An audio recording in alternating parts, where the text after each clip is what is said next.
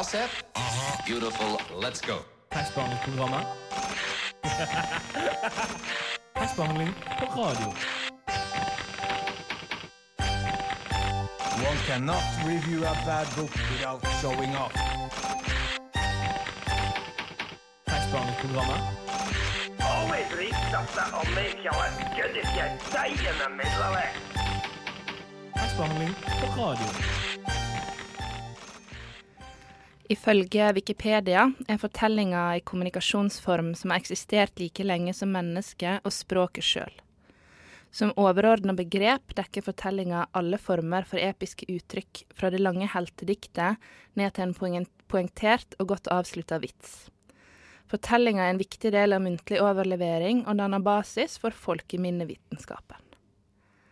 Er det noe vi setter pris på i tekstbehandlingsprogrammet, så er det de gode fortellingene. I dag får vi besøk av to som dyrker fortellerkunsten i sitt daglige virke, og gleder oss til å lære mer om de gode fortellingene og deres plass i samfunnet anno 2014. I tillegg blir det et møte med det tyske bandet Captain Peng og de tentakler von Delphi, som òg har sin helt egne måte å fortelle på.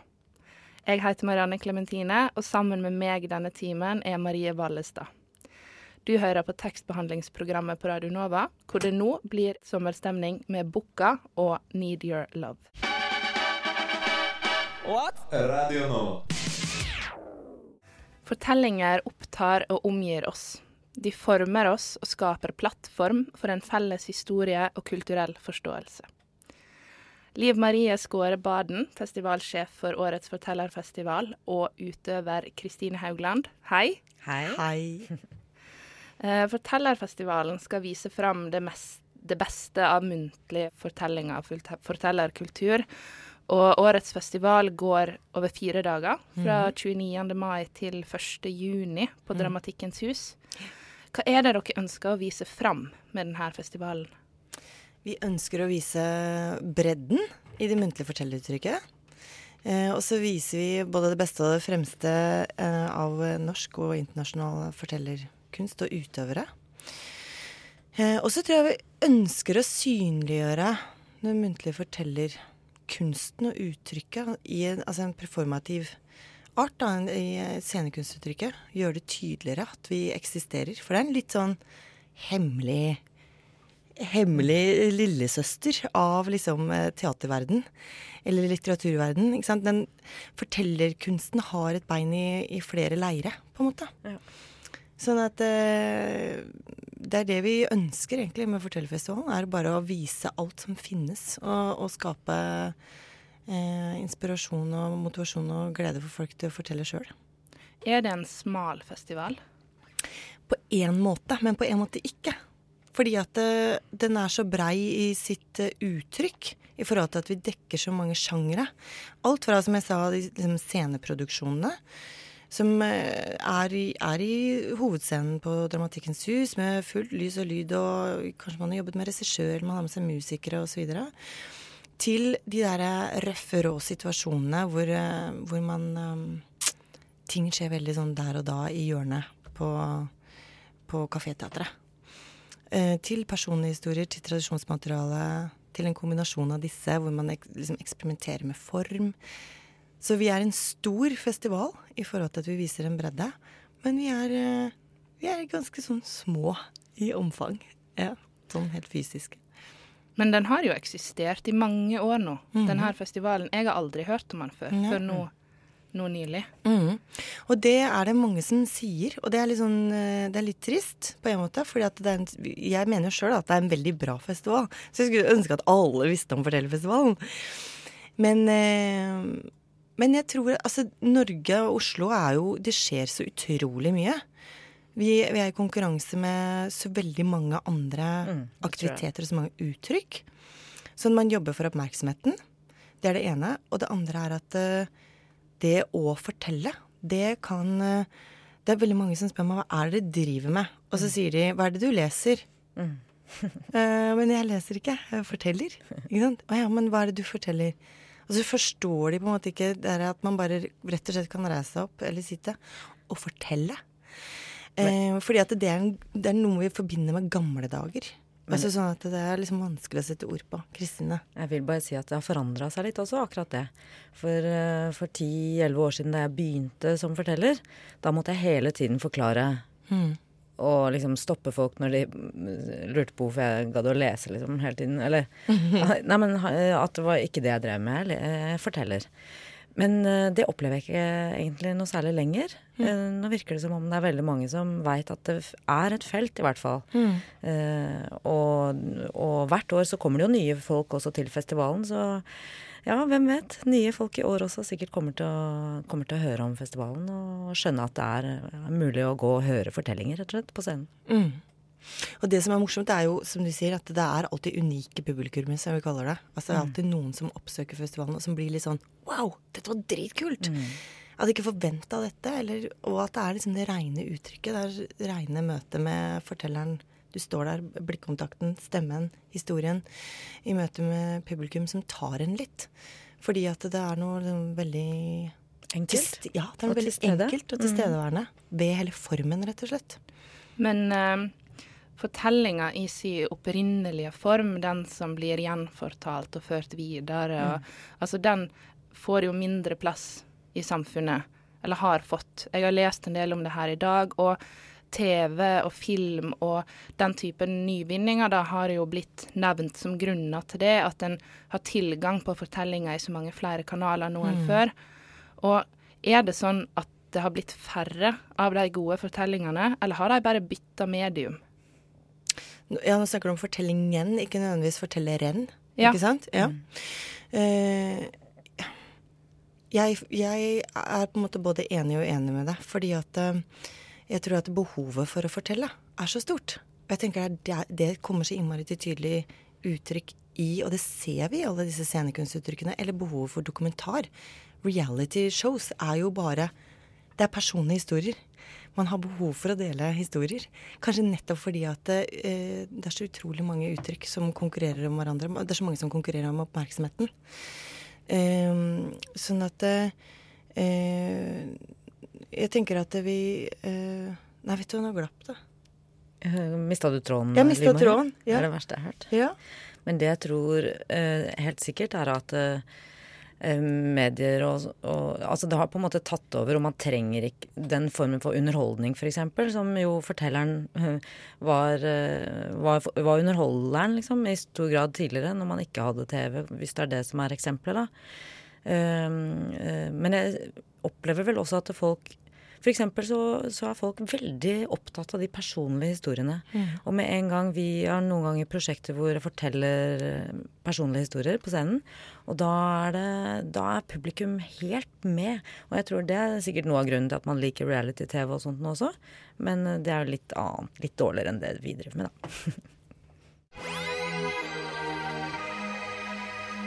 Radio Nova. FM 99,3.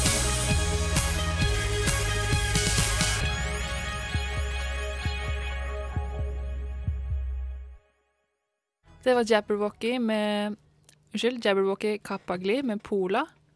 Og eh, Liv Marie, hva er en god fortelling for deg? God fortelling er en uh, historie eller fortelling som berører, som engasjerer meg. Som uh, skaper uh, indre bilder, som på en måte da stimulerer fantasien min. Sånn at jeg kan være en medskaper. Og det er jo det man er som lytter. Får man lov til å ta del i fortellerens univers. Og så har man det øyeblikket sammen, fortelleren og publikummeren, tenker jeg. Man, det er noe som oppstår der. Så det er en god fortelling. Hva er den første fortellingen du husker som gjorde inntrykk på deg? Da jeg var liten, jeg har tre brødre, og han ene han er bare to år yngre enn meg. Han heter Peter. Så da jeg var liten, så øh, jobbet faren min veldig mye. Han, øh, hadde, han var sånn som meg, frilanser, så han hadde mange jobber samtidig. Var ofte ute på kveldene. Men så var det de kveldene hvor han var hjemme, så hadde vi sånn alenetid. Eh, jeg og broren min. Og da var det rett og slett å gå ut i gangen, og så var det å plukke ned en av de tre Asbjørnsen og Moe-bøkene som sto der. Og det var virkelig, Da var vi så utrolig spente og gleda oss så innmari. Og så var det å sitte i hver vår armkrok, og så var det bla opp. Asbjørnsen og Moe. Og det var jo ikke noe sånn, det var ikke noe Disney og masse fargebilder og sånt noe. Det var en stor, firkanta, grå, gammel bok som var ganske slitt. Med kanskje noen tresnitt av Kittelsen. Men det var om å gjøre å finne det lengste eventyret. Så vi har alltid det som teller. Hvor mange sider er det eventyret på? Det var sju. Nei, nei, da må vi finne et nytt et. Hvor mange er det? Ja, det er 13. Ja, det kan vi ta. For da visste vi at eventyrstunden ville vare lenge. Husker du hvilket eventyr du likte best? Å, det var så mange. Asbjørnsen og Moe har gledet meg enormt, altså. Det, jeg tror ikke jeg kan klare å putte ut, nei, plukke ut en av de. Mm.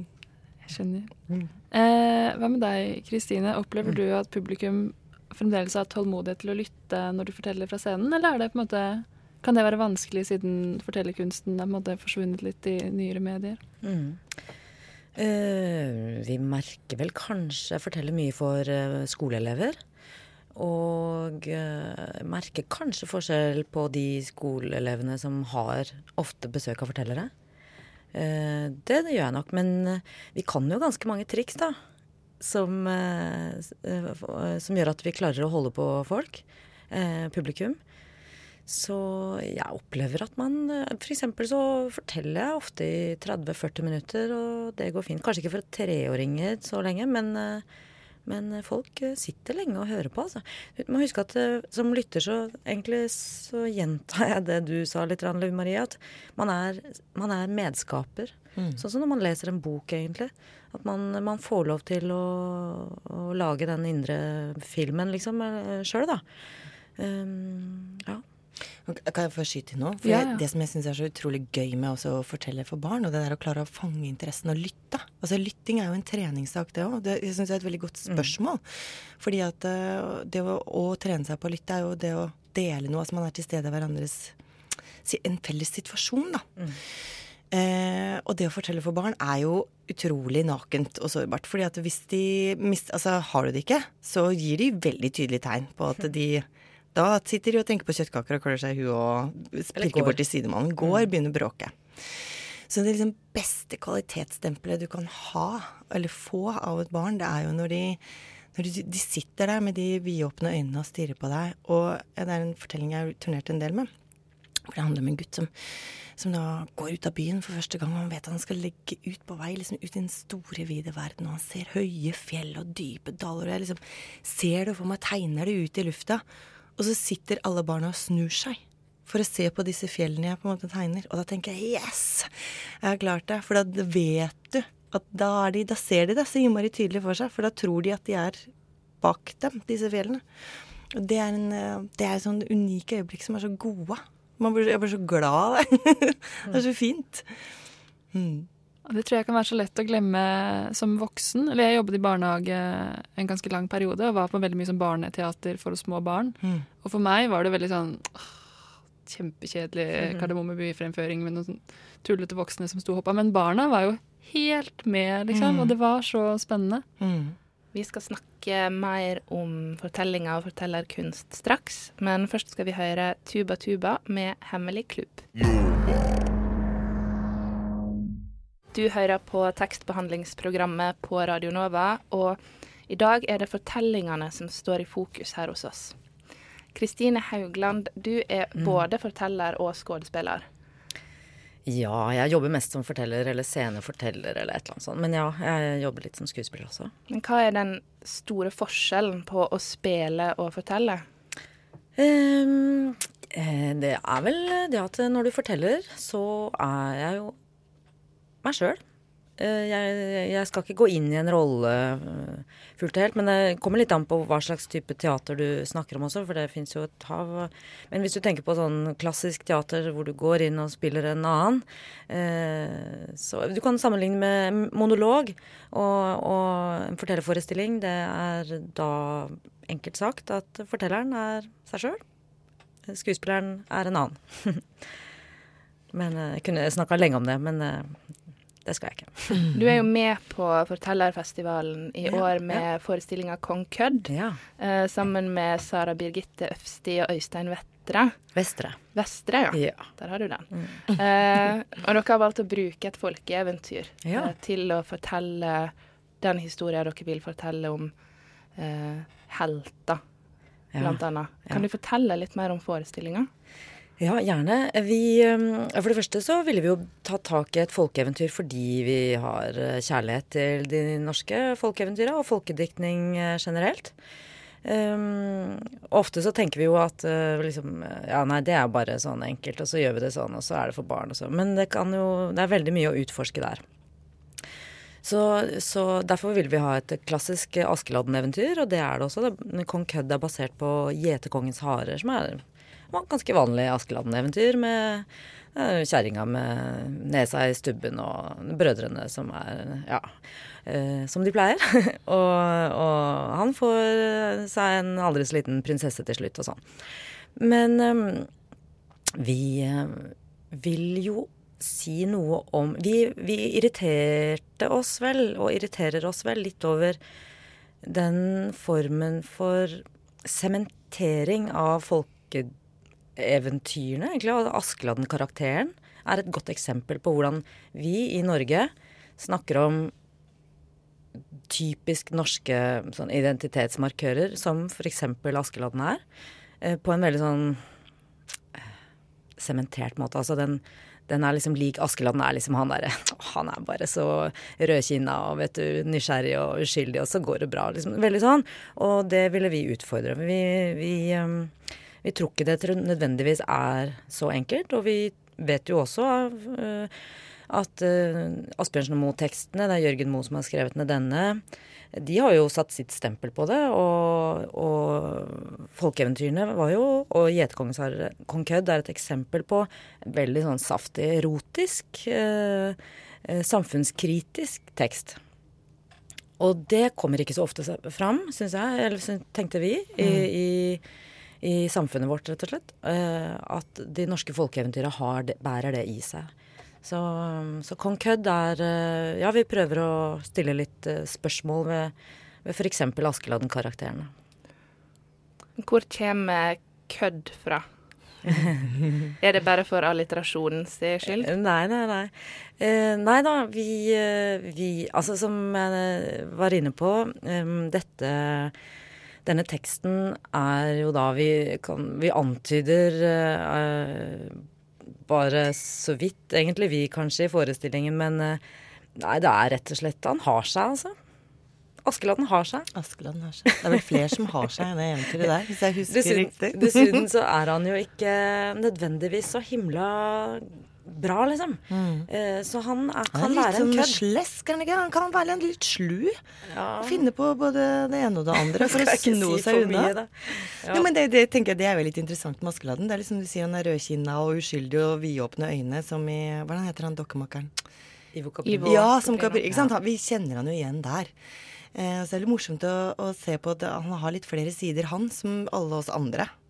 Og Ivo Caprino er et godt eksempel på denne sementeringa, egentlig. Mm. Altså, jeg er kjempeglad i Ivo Caprino. Herregud, det er kjempefint å, Men det er bare at det har, det har fått en veldig stor hva, eh, når, Veldig mange, når de tenker på eventyr, så tenker de på de dokkene og Mm. den stemmen. Og mange av Mye av det som er av fortelling eh, Jeg tror også mange tror, eller opplever, har sikkert opplevd også fortellere som ja, på en måte At det er koselig, da. At det bare er koselig, kanskje, til og med. Og det er jo ikke nødvendigvis sånn det trenger å være. Eh, verken når du forteller folkeeventyr eller andre ting. Vi skal ikke bare stryke med hele tiden og underholde og være hyggelige. Nei, vi skal kødde litt og stikke litt og utfordre litt. Så det er vel en av de ja, Ja, det, det er kult at dere gjør, og det er all ære til dere. For det er denne eksperimenteringen som er litt uh, Som er bra. At man utfordrer litt, og at man utforsker litt. Og det er, jo- jeg er bare utrolig glad og takknemlig for at eh, Kong Kødd har valgt eh, Fortellerfestivalen som sin arena for en urpremiere. Det er veldig kult. For det sier noe om bredden, da, og at man tør å utforske. Det er bra. Du lytter til Radio Nova på FM 99,3. Det du nettopp hørte, var Telle Fråbe med Offsmiths Friends. I dag har vi besøk av Liv Marie Skåre Baden og Kristine Haugland fra Fortellerfestivalen. Og Kristine, når fant du ut at du hadde en forteller i deg? Eh, tja, tja, tja. Jeg vet ikke. Jeg har nok alltid likt å fortelle historier. Um, men det var jo da jeg begynte å studere, egentlig. At jeg også Det gikk opp for meg at man kunne, man kunne studere Det var sånn delemne, da, er det fremdeles, på Høgskolen i Oslo og Akershus her. Um, men, men sånn privat, du vet, sånn sosiale sammenhenger sånn, så har jeg vel vært litt den vitsefortelleren, tror jeg. Uten å skryte for mye. Nei, men, men, men, sånn profesjonelt så, så, så, var det jo i studietida. Mm. Hva er det som inspirerer deg som forteller? Føler ja. du på en måte at du er en del av en tradisjon? Ja, det gjør jeg absolutt. Um, og jeg føler meg veldig en del av uh, ja, sånn fagtradisjon, et fagfelt, et, uh, en gjeng som uh, som, som, Og jeg har holdt på i noen år nå, sånn at jeg føler meg en del av den tradisjonen. Men også hvis man Hvis jeg ser større på det, naturligvis, at det å fortelle er jo, eh, er jo ikke bare for fortellere. Selvsagt ikke. Um, ja, alle gjør det. Nesten alle gjør det. Er det? Alle gjør det. Jeg tror man kan nesten si det. Altså. Alle gjør det. ja, jeg tror vi det. gjør det når vi kommer hjem fra jobb, og vi gjør det jo liksom i, over kaffen i pausen. Og vi, gjør, vi forteller jo hele tiden. Det er det som er så gøy. Men tror dere man gjør det for seg selv, eller for lytteren? Mm. Eh, begge deler, helt klart. Jeg tror jo i, i, veldig stor grad at jeg forteller Eller jeg, folk, forteller for, for å strukturere en, en hendelse, f.eks. Eh, og, og liksom gjenforteller det på den måten at man liksom At det står klarere for en, kanskje. Noen ganger forandres det jo selvfølgelig også. Men at uh, en historie som man bærer med seg i livet sitt, f.eks. da. hvis du husker en historie eller moren din forteller om noe fra du var liten, så er jo det en, en form for identitetsbygging.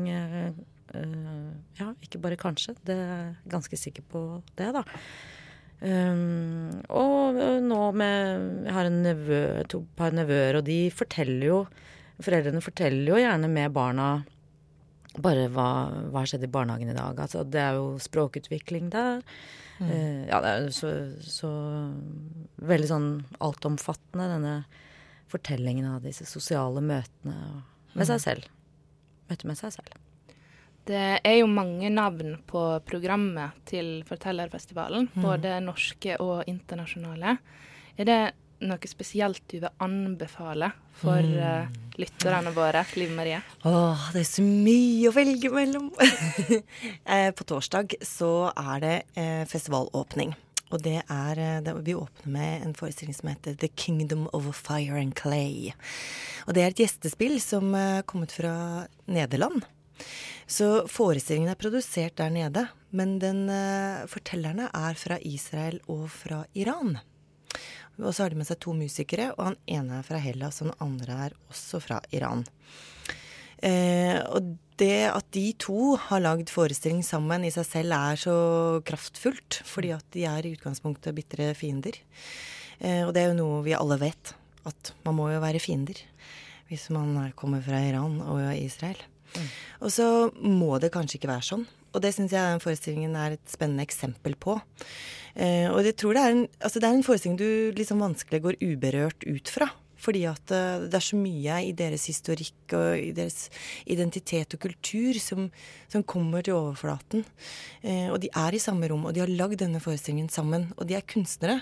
De er utøvere. Og, og når kunstnere går i et rom og skal lage noe sammen, så er det det som er fokuset deres.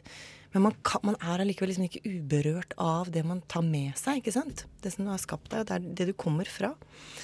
Så jeg gleder meg enormt til den forestillingen. Vi har fått flere henvendelser i løpet av året på den forestillingen. Hvis det, er, hvis én drømmeforestilling som jeg har lyst til å se på Fortellerfestivalen 2014, eh, så er det den. Så jeg er veldig glad for at vi har fått den. Tusen takk for at dere kom til oss i tekstbehandlingsprogrammet i dag. Liv Marie Skarepaden og Kristine Haugland. Takk for at vi fikk komme. Ja, tusen takk. Vi skal høre Black Pistol Fire med Dime Store Heart, Heart Throb tekstbehandlingsprogrammet når du vil lese med øra.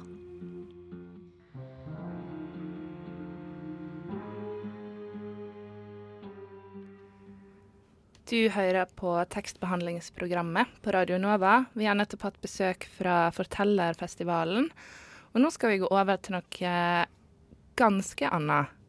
Marie, du har fått et litt spesielt forhold til ei noe obskur tysk gruppe. Kan du fortelle om det? Ja. Eh, for noen uker siden hadde jeg besøk av en venn fra Tyskland som viste meg en musikkvideo med dette bandet. Eh, med et navn som var umulig å uttale, en låttittel som var umulig å uttale.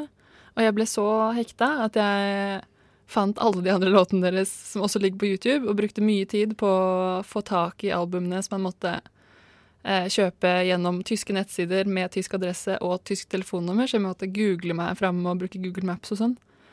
Du har Og- svindla deg til de her albumene, altså? Jeg har betalt for de, men eh, jeg har eh, løyet om at jeg er tysk. Eh, men det gikk bra. Nå har jeg de, og de har ganske spesielle tekster. En venn av meg som også er tysk, kalte det for studentenrap, som betyr at det liksom de, de, det er en jevn flyt, sa han, og de snakker om intellektuelle ting, og så har de rare klær. Det var på en måte Ja. Og det stemmer jo, for så vidt. En skjønner det kanskje når en hører at det er snakk om Captain Peng und i tentakelen von Delphi. Og hva det egentlig er de synger og snakker om, det får vi høre nå.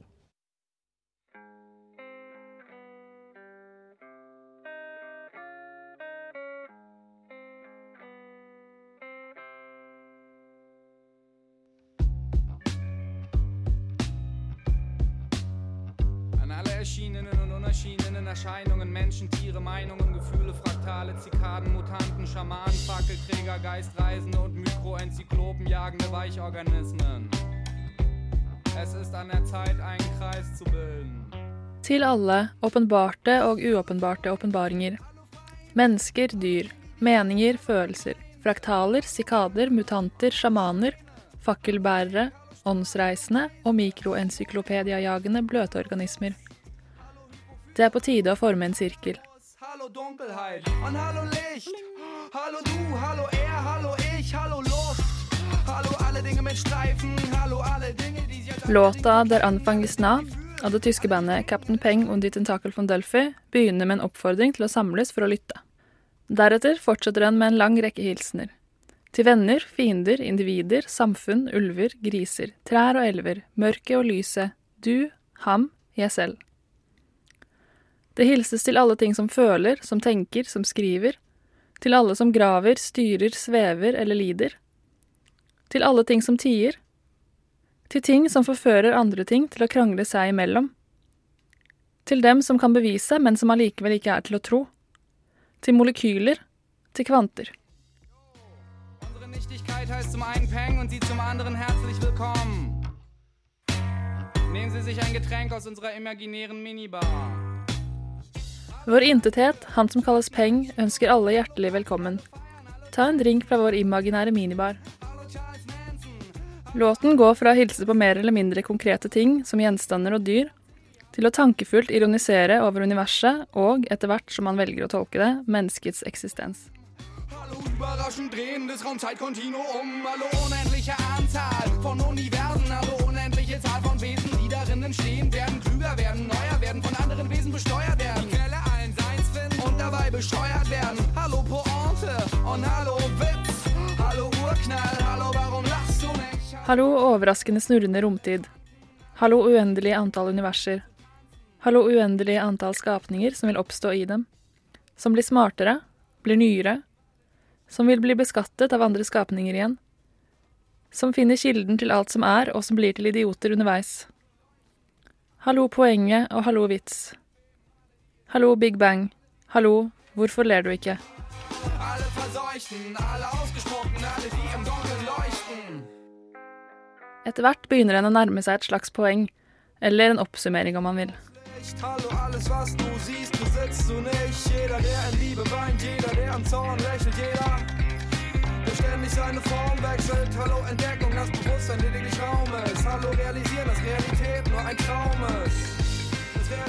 Hallo, alt du ser som du ikke eier.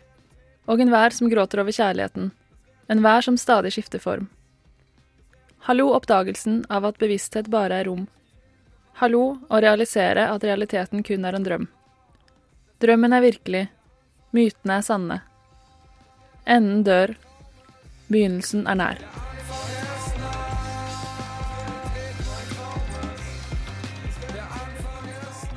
Begynnelsen er nær. Der anfang is nah.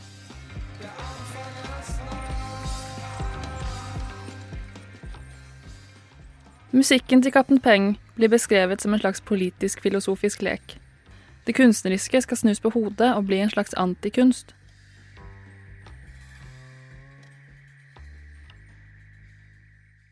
De har vært ekstremt produktive på YouTube, der flere av låtene har egne videoer. Hovedmannen bak bandet er Kaptein Peng, som egentlig heter Robert Gwistek. Av og til fremfører han lange monologer eller dikt, og noen av disse lager utgangspunkt for enkelte av låtene deres. In 100 Milliarden winzig kleinen Kreisen und aus den Kreisen Fäden weben, bis alle Fäden reden. Ich spinn mich ein, bis meine Fesseln mir das Schweben lehren. Et helt konkret eksempel er diktet Liebesleben. I den ene versjonen fremfører Peng diktet alene på et slags loft, samtidig som han tygger i seg restene av en brødskive. Liebesleben. Manchmal bist du wie Hundekot in einer Cornflakes-Packung. Det kan høres ut som en forklaring, eller som en beskrivelse av en tankerekke. Peng snakker tilsynelatende direkte til oss.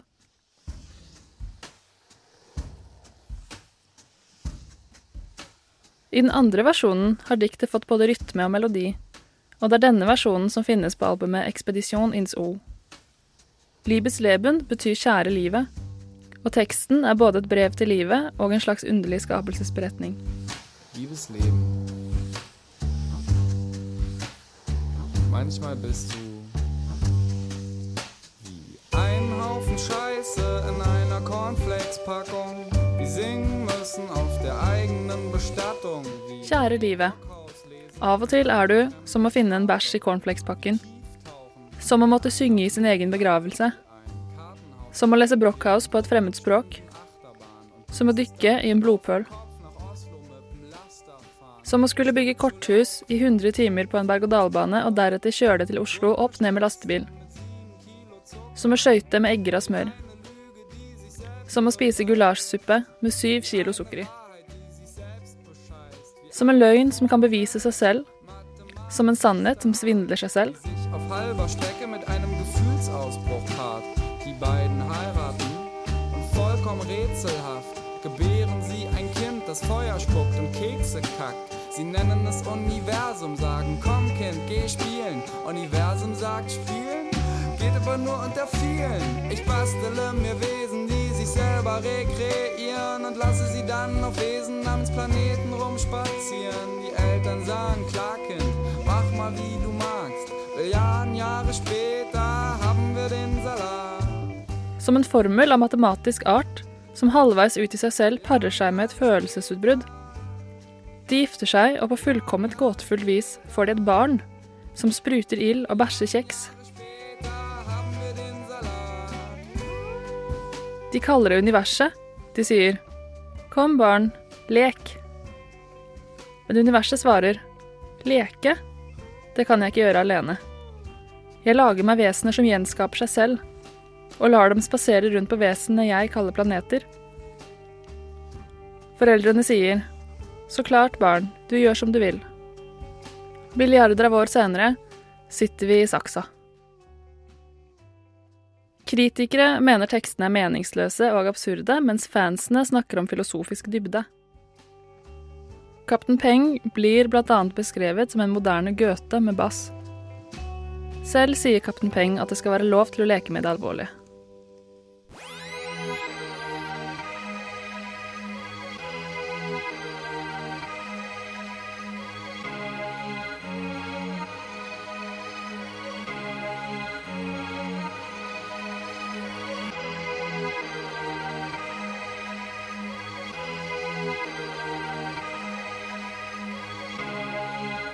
Siden 1982 har Radio Nova gitt deg favorittmusikken din, før du visste at du likte den.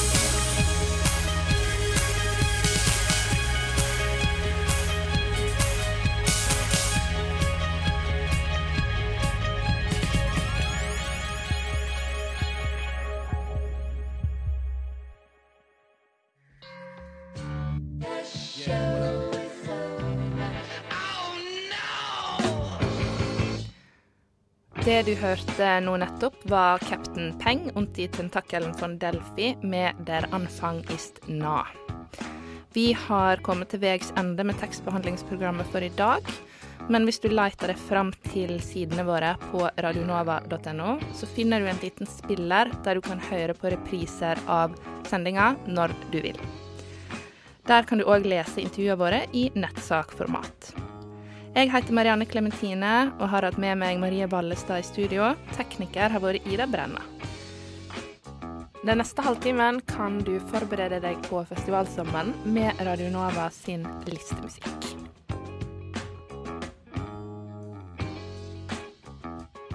Shut up! Shut up! Shut up! Shut up! Shut up! Shut up! Radio Nova That's gir seg aldri.